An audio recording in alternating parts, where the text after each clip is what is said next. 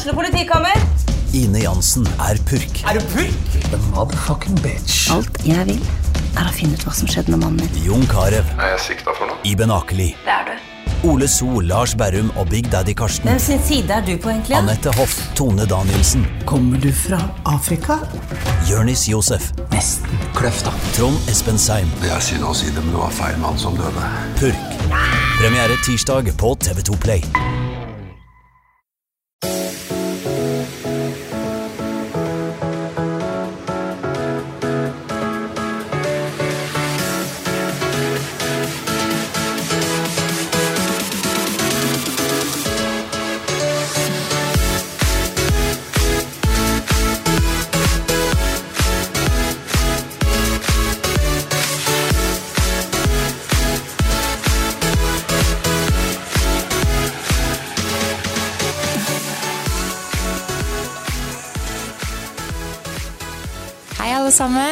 Hjertelig velkommen til tredje episode av podkasten vår 40 feit og ferdig.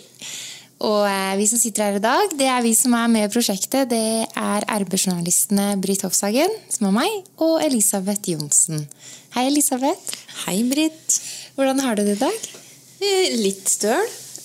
Det har jo egentlig vært eh, nesten siden prosjektet begynte. Litt sånn småstøl hver dag. Men det er sånn godvondt. Veldig deilig. Egentlig kort oppsummert. Mm. Ja, for eh, bare for å opp, eh, oppdatere dere, da, så skal jo vi altså i løpet av tolv uker komme i form.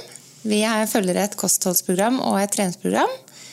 Eh, og føler kanskje at det har gått litt sånn fra null til 100. I hvert fall jeg. Ja, vet du hva, jeg, jeg må bare si at det, jeg tenkte på det på vei eh, til jobb i dag, at det, det føles egentlig som Du vet når du har parkert en sykkel i garasjen og sånn stått, eh, stått der lenge, da dekket er blitt flatt, og ja, det, sånn, det skrangler litt når du tar den ut. Og akkurat sånn føles det da for meg. At det, det har liksom bokstavelig talt knirka i kroppen. Det har eh, satt meg i gang nå. Um, men jeg føler at jeg er i ferd med å få litt eh, luft i dekka, da. Ja, og det er veldig deilig å være i gang. For jeg har følt meg akkurat Veldig bra bilde, veldig bra beskrivelse. Um, og um, i går så var vi og trente med, med han som har satt opp programmet til oss. Juma Iraki. Han er fra Lørenskog, og han eh, er eh, kostholds... Hva skal vi kalle det? Ekspert, guru, og eh, personlig trener. Og han viste oss øvelser, og der kan dere gå inn på Instagram og se alle øvelsene som vi gjør for å komme i form. ja. Og det var eh, Det som er litt deilig, da, syns jeg, at eh, plutselig da, så, så er jeg liksom i en sånn fase hvor jeg har begynt å hente fram muskler som jeg hadde glemt jeg hadde. De ligger langt inni deg. Bare jøss! Eh, Men så, så er det jo litt brutalt da, når du ligger der og liksom ikke klarer å gjøre øvelsene som du tenker at du e- egentlig burde gjøre det fordi at du ikke er sterk nok ennå. Men um, de sier jo det at det, det går ganske fort eh, når man begynner å trene styrke når man ikke har gjort det på en stund. At man merker rask framgang. Da. Og det er derfor vi er støle òg. Fordi vi, eh, vi eh, irriterer muskulaturen vår litt. holdt Jeg provoserer den til å begynne å jobbe litt igjen på måter han ikke har gjort på mange år. Og så Dette er jo uke tre. Ja. Og vi har jo også fått beskjed om at vi helst ikke skal drikke mer enn to enheter i uka. Hvordan har du klart deg på den, det området? Måtte du spørre om det? Jeg tror jeg har. Du, altså eh, Jeg er jo vant til å ko- Eller liker å kose meg med, med vin. Gjerne en øl og sånn i helgene. Og det har vært litt sånn overraskende vanskelig å, egentlig å bare begrense seg når man først åpner en flaske. Da. Selv om vi kan drikke to enheter, tenkte jeg jeg kan ta et par glass vin på fredagskvelden. da. Eh, men eh, når den flaska da er åpen på lørdagskvelden, da, så må jeg si at jeg ryker fort eh, Eller ja, jeg ryker på et par glass til. Uten at Ja. Ja. Og du, Britt, har jo også hatt litt utfordringer de helga som gikk. Ja, eller altså, jeg, Litt av grunnen til at jeg ville starte med det prosjektet, her, og var at jeg følte meg litt sånn Å, jeg føler jeg drikker liksom rødvin hver helg, trener ingenting. Føler meg litt sånn råtten i kroppen. Så når vi starta, så var jeg veldig bestemt på at eh, nei, jeg skal virkelig ikke åpne noe vin i helga. Så jeg klarte meg i ti dager. Ikke så verst, for, egentlig. Men så hadde vi fest med jobben på fredag. Og jeg vet ikke om det var den rene maten vi spiser, eller om det er treninga. Men altså, to glass Prosecco gikk rett i fletta. Og da vet jo alle hva som skjer. Da er det fort å drikke mer. Men, uh, Men hva tenker du nå, da? Nei, jeg tenker at det kanskje var like greit at det skjedde. Fordi når jeg våkna på lørdag og følte meg så dårlig som jeg følte meg, så tenkte jeg sånn her orker jeg ikke mer. Jeg orker det ikke å våkne opp og kaste bort en hel lørdag på å føle meg sånn. Så kanskje det var bare motiverende. Mm. Men apropos eh, kosthold, eh, det skal vi jo snakke litt om i Ja. denne podkasten her. Og Juma, han Det er han som er dagens gjest. Ja, han Ja. er dagens gjest. og da tenkte jeg skulle gi dere et lite stikkord til eh, eh, noe av det vi skal snakke om i dag. Skal vi se om jeg bare finner det frem. Uh, for det handler jo blant annet om uh, karbohydrater og alkohol. Og hva, hva var det siste? Britt? Jo, at eh, han har noen triks til hvordan du kan sove godt om kvelden. Hvis du sliter med det, så har han en veldig bra kveldsmat til deg. Ja. Men det her er også en av hans fanesaker. Hør på denne.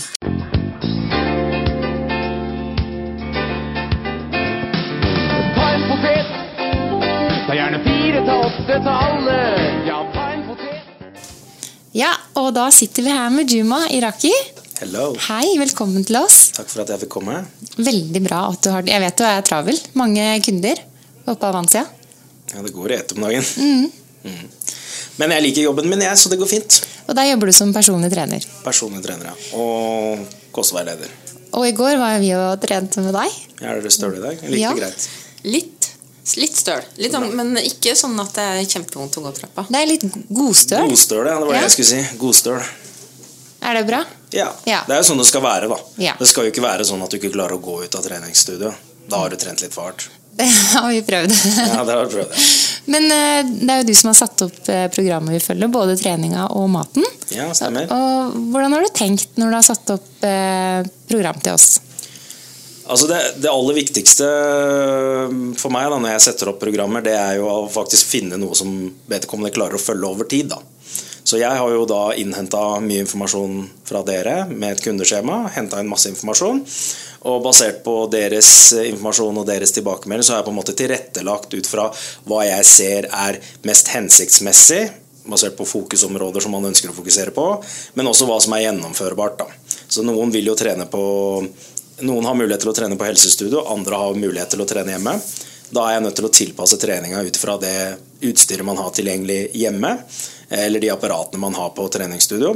Men det aller viktigste er at det skal være bærekraftig over tid. Du skal liksom klare å gjennomføre det uke inn og uke ut, eh, og at man har progresjon i treninga. Det veldig mange gjør feil, er jo at de går på trening og litt sånn putter fingeren i været og bare velger ut apparatet man ønsker å trene den dagen. Eh, Men så har man ikke noe system på det i det hele tatt. Og det får du ikke resultater av. Det du får resultater av, det er at du har systematisk satt opp treningsprogram som du over tid har progresjon i. Enten i form av at du tar flere repetisjoner, øker belastninga, eller at du tar flere sett. Så så lenge det blir gradvis over tid mer og mer, så får man resultater av det. Men hvis man gjør akkurat det samme hele tiden, så skjer det heller ingenting. Fordi når du trener, så tilpasser kroppen seg det. Og når den har tilpassa seg det, så må du komme med en ny type stimuli. da. Og da må det være enten tyngre vekter, flere repetisjoner eller flere sett for at den skal få noe å bryne seg på. da.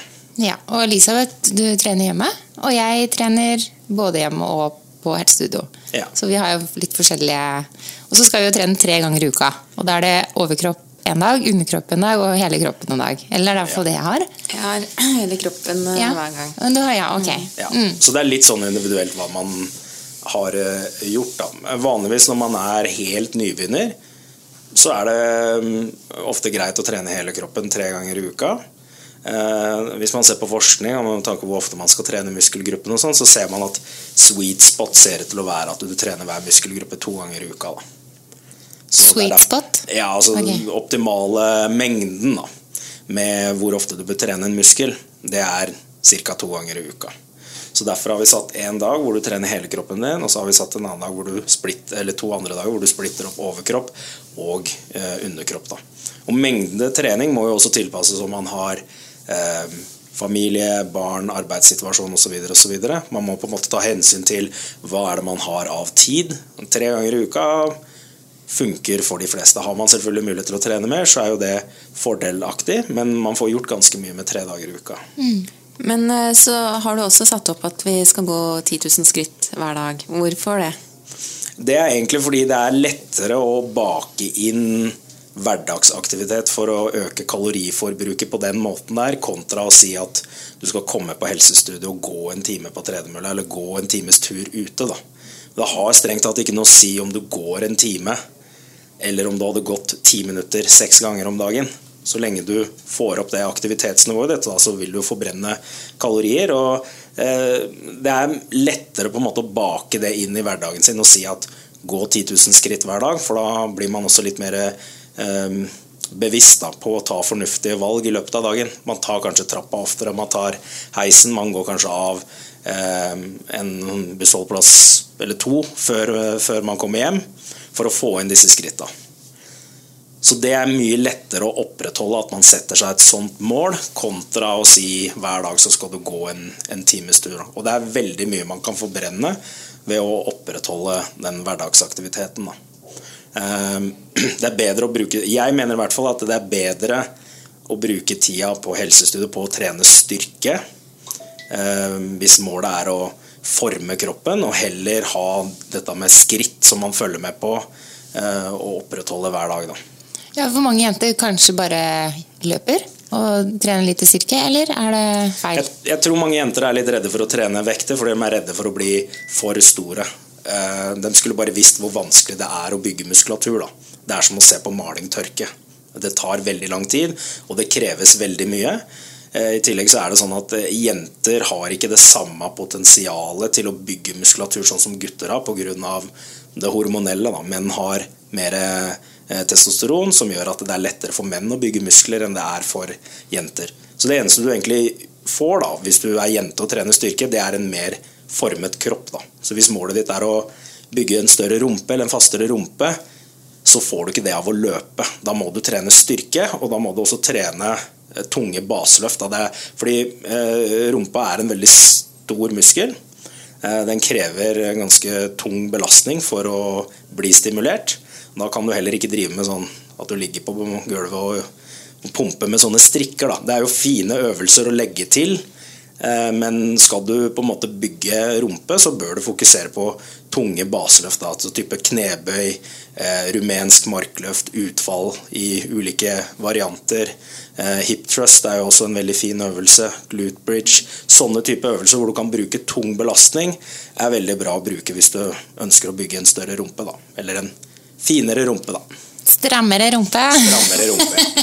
og det har vi lyst på, ikke Jeg har egentlig ja. mest lyst til å bygge en mindre rumpe. ja. Oi. Ja, men um, vi har jo fylt 40, eller jeg blir jo det til sommeren, og Elisabeth har akkurat omtrent fylt. Uh, er, er, det viktigere å trene styrke når man har bikka 40? Ja, ja, det er det. Hvorfor det? Fordi man ser at eh, kroppen blir mye mindre sensitiv for uh, stimuli fra trening når man blir eldre. Ehm, kroppen går på en måte litt mer i sånn Opp til du er ja, Det spørs litt hvor inaktiv du er, for det kan faktisk skje når du er i 30-åra. Men inntil du er eh, Når du kommer til 40, så vil kroppen være i en litt sånn oppbyggende fase. Men så begynner det på en måte å skifte litt. Da. Det er mer nedbrytende. Og Da må du være ekstra påpasselig med hva du spiser, og også hvordan du trener. Og Da er det litt viktig å trene styrke for å forhindre muskelsvinn. Um, og kroppen ser også ut til å være mindre sensitiv for proteininntak, så da må du faktisk kompensere med å spise mer proteiner. Det starter allerede i 40-åra, og for hvert tiår som går, så blir det enda viktigere. Men uh, du kan faktisk klare å opprettholde ganske mye muskulatur selv i 70-åra, hvis du er flink til å trene styrke. Og muskler er ikke bare viktig, altså ikke bare av utseende, men jo mer muskelmasse du klarer å opprettholde, jo mer funksjonalitet klarer du å opprettholde. Så mm, eldre bør jo fokusere veldig mye på styrketrening, da. For da klarer man å opprettholde ganske mye funksjonalitet i kroppen også. Ja, Men apropos proteiner, så eh, både jeg og Britt syns jo vi fikk ganske mye proteiner i den kostholdsplanen som du har satt opp for oss. Ja. Eh, kan ikke du fortelle litt om eh, tanken din med det?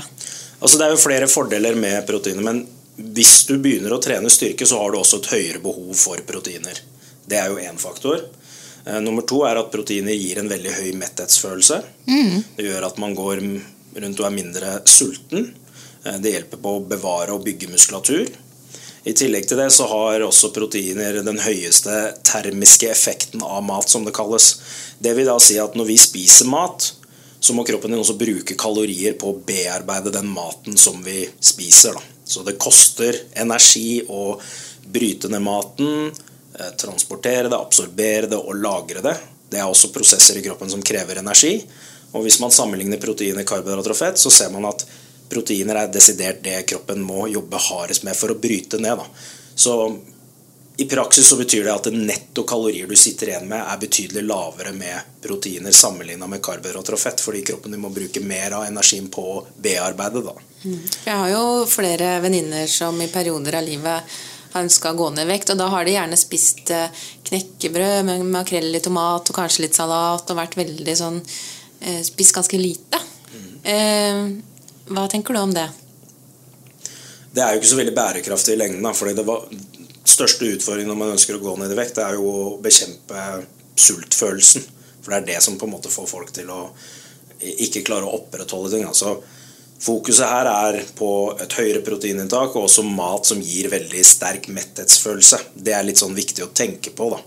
Eh, Det viktigste når du ønsker å gå ned i vekt, det, altså det, og det kommer du ikke unna, du må være i et underskudd av kalorier. Det er liksom en regel som du ikke kommer unna. Eh, Men da kan det være litt lurt å tenke på hva er det du faktisk bruker disse kaloriene til. Da. Og da fokusere på mat som gir mye volum, altså som fyller opp magesekken ganske mye, men som ikke gir deg så veldig mye energi. Da. Typiske ting er mye grønnsaker. da. Mye grønnsaker, mye bær. Altså Hvis vi sammenligner banan og bær, da, så kan du spise tre ganger så mye bær som du kan spise en banan. Og Da vil det være mer fordelaktig når du ønsker å gå ned i vekt, å spise bær kontra banan. For det gir deg mer volum. Det er ikke noe farlig med banan, eh, men hvis du skal tenke på metthetsfølelse og volum, så er det kanskje lurere å fokusere på å spise bær enn banan. da. Men du har jo også vært en liten for, eh, forkjemper for potet. Vi spilte en sang eh, før du kom, Juma. Skal vi ta den igjen, eller? Har du den, eh, har den der, Elisabeth? Eh, ja, han er ikke så veldig langt unna, i hvert fall. Nei, fordi du, Apropos dette med volum, da. At man skal føle seg mett. Hei, Vivian Førsund. Ja, der eh, kom det en liten reklamesnutt da. Skal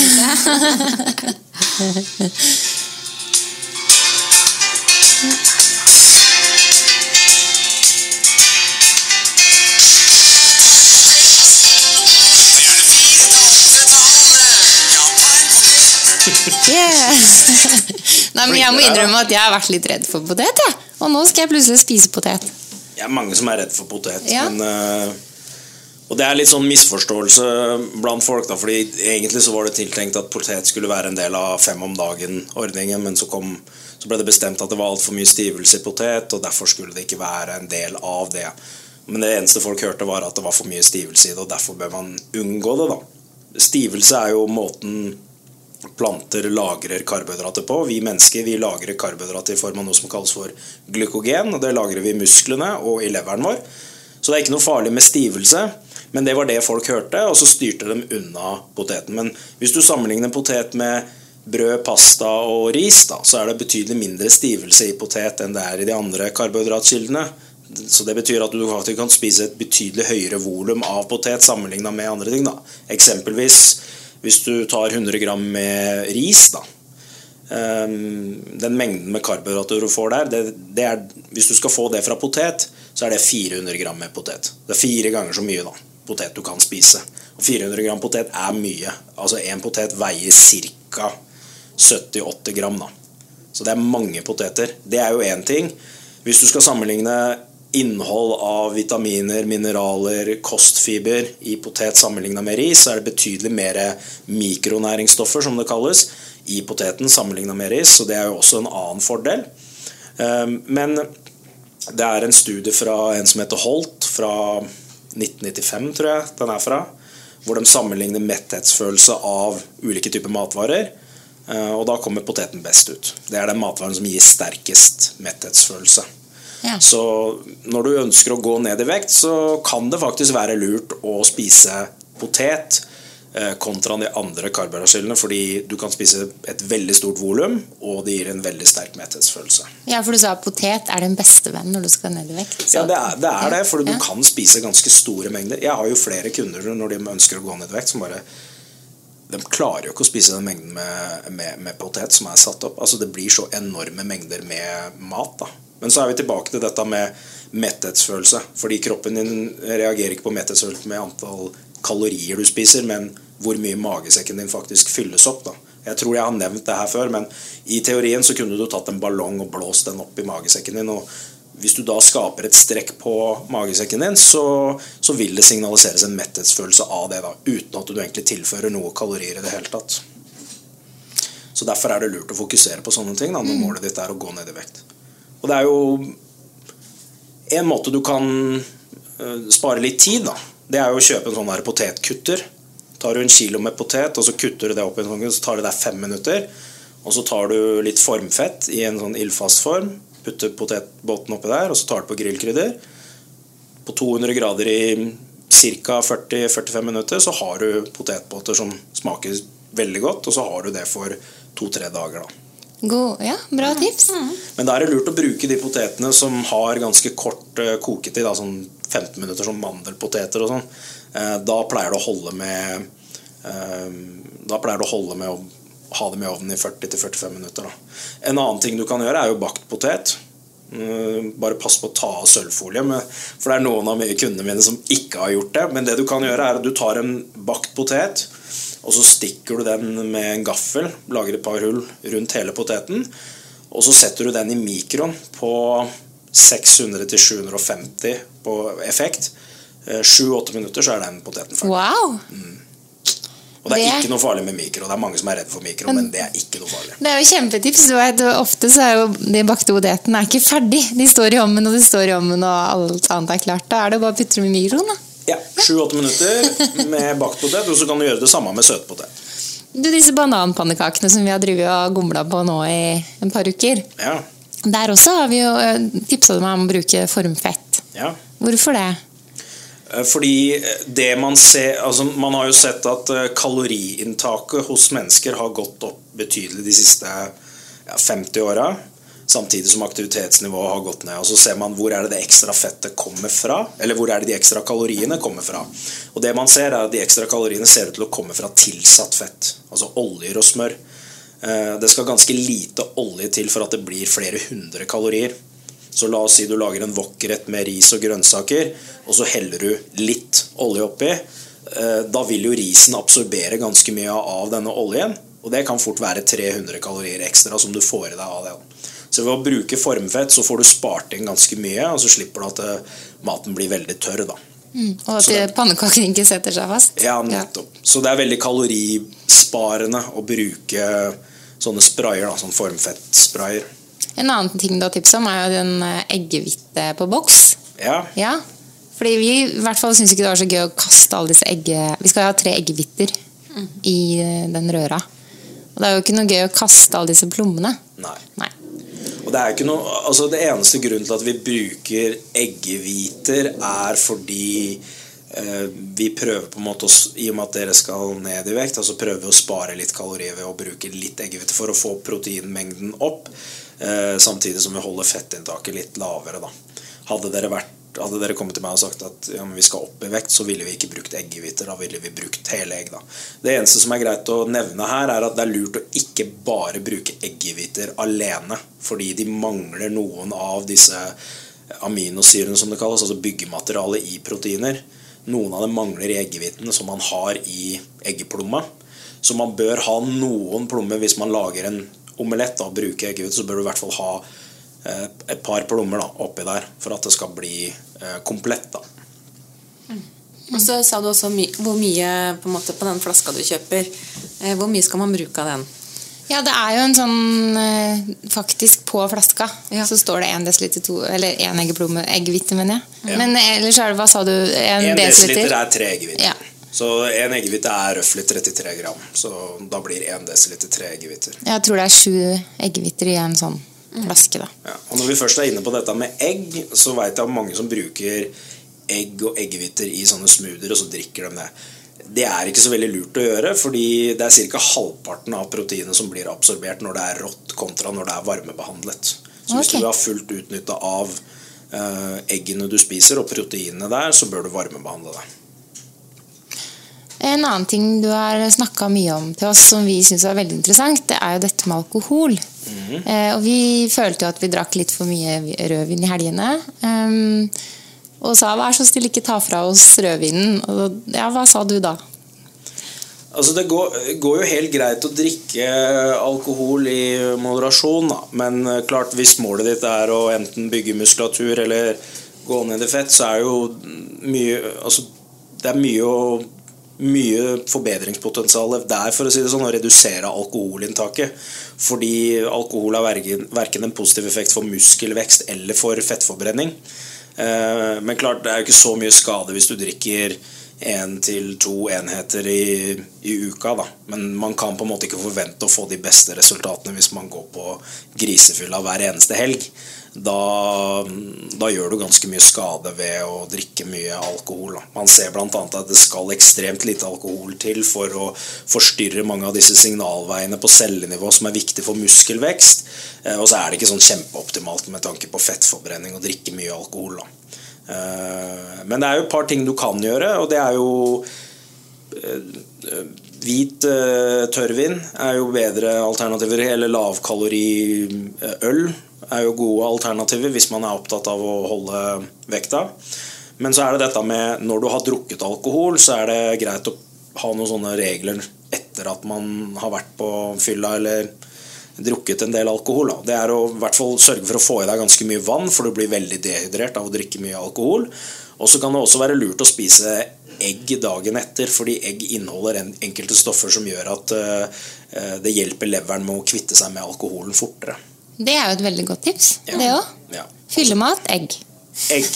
Og med litt Ikke hamburger. Nei. Ikke pommes frites. Og, og med, litt ekstra, med litt ekstra salt. Fordi Ja. du mister en del væske og elektrolytter når du, når du blir dehydrert fra alkoholen. Da. Jeg visste jo det her, så jeg spiste faktisk eh, egg på lørdag. da For jeg drakk jo litt for mye på fredag. Uh, ja. Men um, Var det derfor du ble fyllesyk?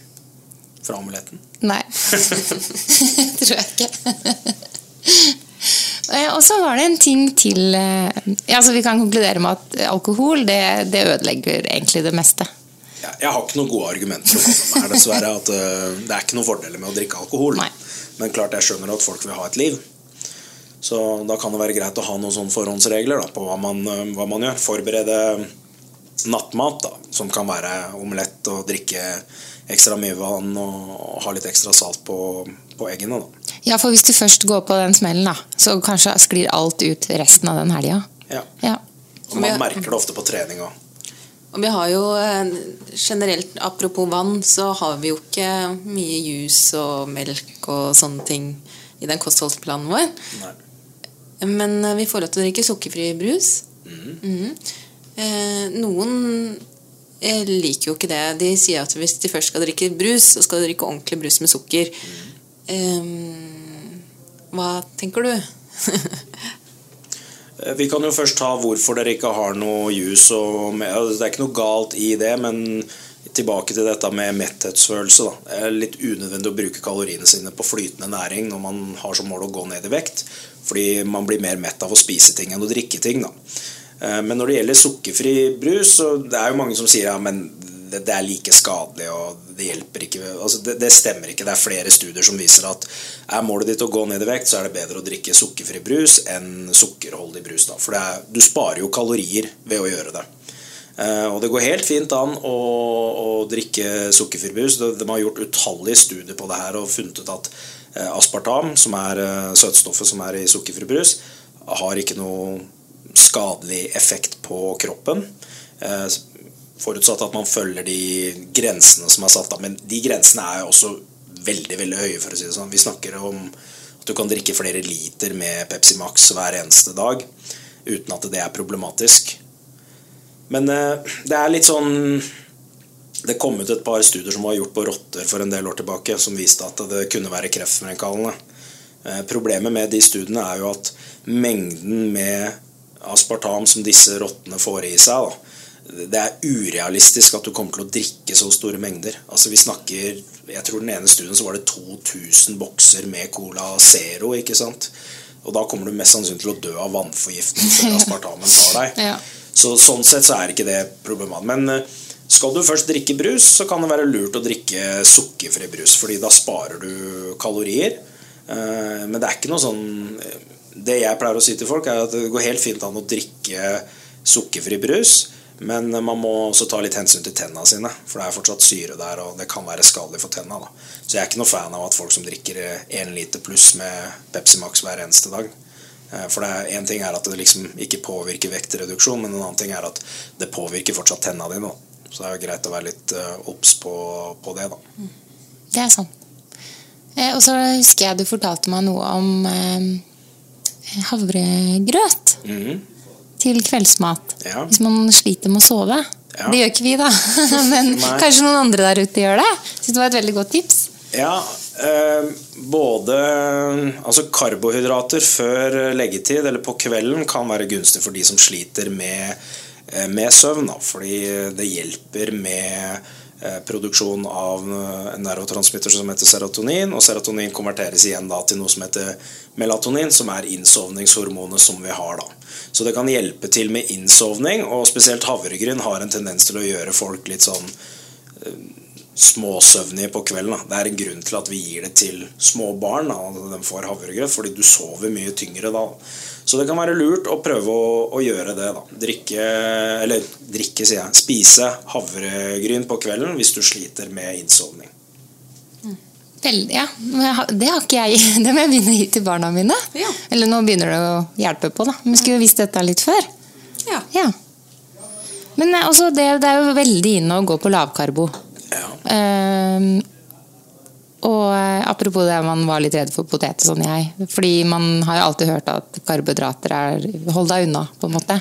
Men eh, du sa noe om at det kan gjøre deg litt lettere nedstemt hvis du dropper helt å spise karbohydrater. Altså Hos individer som er litt sånn sensitive for eh, depresjoner, angst og nedstemthet, så, så har det en tendens til å kanskje mm, gjøre ting verre. da. Og da er vi tilbake til hvilken effekt karbohydrater har på neurotransmittere i hjernen. da. Så mm, man trenger på en måte karbohydrater for optimale mengder av serotonin i, i hjernen. Og det er jo faktisk det du får hvis du går på antidepressiv, så er det jo sånne serotoninreopptakere som du får. da. Så Eh, Og jeg har hatt flere som har vært som har gått på lavkarbo og ikke nødvendigvis vært deprimerte, men hatt litt sånn tegn til nedstemthet, da, hvor det har blitt bedre når de har økt karbohydratinntaket sitt. Så det er også en sånn ting å tenke på. Jeg sier ikke at alle er sånn, men hos individer som er litt sånn sensitive for fall i serotonin, så, så kan det ha en negativ effekt av å, å gå på lavkarbo. da. Uh, lavkarbo er jo heller ikke sånn veldig bærekraftig over tid. Da. Det man ser i, i studier, er jo at når man begynner på lavkarbo, så går man veldig raskt ned i vekt i starten. Men det er rett og slett fordi du tømmer disse lagrene dine for karbohydrater i kroppen. Og, og hvert gram med glykogen, som er måten kroppen vår lagrer karbohydrater på, krever ca. 3 gram med vann. Så det er egentlig det at du kvitter deg med veldig mye vann i, i starten, da, som gjør at du får det der drastiske fallet i, i vekt. Da. Men øh, ser man på studier hvor de har sammenligna lavkarbo med et hva skal jeg kalle det, vanlig kosthold, og hvor kaloriene er helt like og proteininntaket er helt likt, så ser man at det ikke er noen forskjell på om du følger lavkarbo eller det andre. Um, det er bare det at man ser at den gruppa som spiser karbohydrater, dropper mye mer vekt i starten pga. at de tømmer seg fortere for vann, men så flater det ut etter hvert. Og Da må man gå tilbake til å tenke på ok, er det realistisk og bærekraftig over tid å følge et så restriktivt kosthold? Jeg bruker det med noen individer. Altså Hvis du har eh, hvis du har prediabetes, da, hvis du er i ferd med å utvikle det, så kan det være lurt å kanskje ha et lavere karbohydratinntak, for det er kroppen din mye mer Den er ikke like optimal eh, Eller den er ikke like sensitiv for å utnytte karbohydraten på samme måte, da. Eh, Og da vil man jo gjerne gjøre ting som gjør at dette blir bedre. Altså man ønsker å få bedre insulinfølsomheten. Eh, Og da er det vektreduksjon og fysisk aktivitet som ser ut til å være positivt for det. da. Så når man har gjort det, så blir man, man tåler på en måte mer karbohydrater etter hvert. Og da kan man jo øke karbohydratinntaket sitt. Jeg må fall si at jeg syns det er veldig deilig at vi kan spise alt. At ikke, vi har jo barn, vi har lyst til å være gode forbilder. Vi spiser ren, sunn mat. Vi spiser på en måte alt, bare at ikke så veldig sånn eh, halvfabrikata og ferdigmat og sånn. Ja, så merker jeg at eh, vi spiser såpass eh, mye og jevnt at eh, blodsukkeret holder seg ganske stabilt, og det er behagelig. Veldig behagelig. Mm. Ja. Men da syns jeg vi skal si tusen takk til deg, Juma, for at du kom. Og så syns jeg kanskje vi kan avslutte med den fine sangen, da. Ja. Og slå et slag på Nye poteten. Ja. Tusen takk, Juma. Ta en potet. Ta gjerne fire, ta åtte, ta alle. Ja, ta en potet. Stek dem og kok dem og spis gjerne skallet, men ta en potet.